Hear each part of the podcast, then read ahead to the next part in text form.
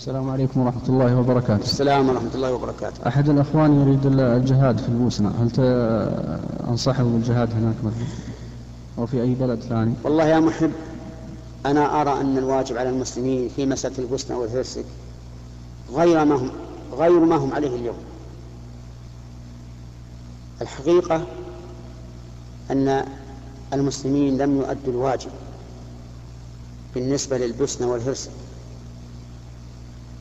وليس الم... وليس يهمني أنا أن يقتل شخص أو يؤسر شخص أو يقطع شخص شخص أوصالا لأن هذه من المصائب التي يكفر الله بها السيئات ومع الاحتساب يرفع الله بها الدرجات وكل سيموت ومن لم يم... ومن لم يمت بمثل هذه الميتة مات بغيرها لكن يهمني أن يقال جمهورية إسلامية قائمة معترف بها تسقط في أيدي النصارى هذا هو الذي يجرح القلب ويدمي الكبد أين المسلمون؟ كم من مليون المسلمين؟ كم؟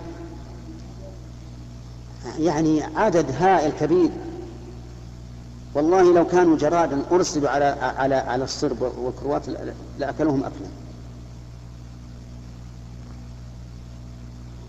ولكن أنا لا أدري هل إن الحكومات الإسلامية عاجزة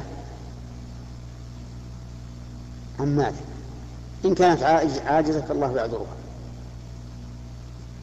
ولا ليس على الضعفاء ولا على المرضى ولا على الذين لا يجدون ما ينفقون حرج إذا نصحوا لله ورسوله فإذا كان أولاة الأمور في الدول الإسلامية قد نصحوا لله ورسوله لكنهم عاجزون. فالله قد عذرهم.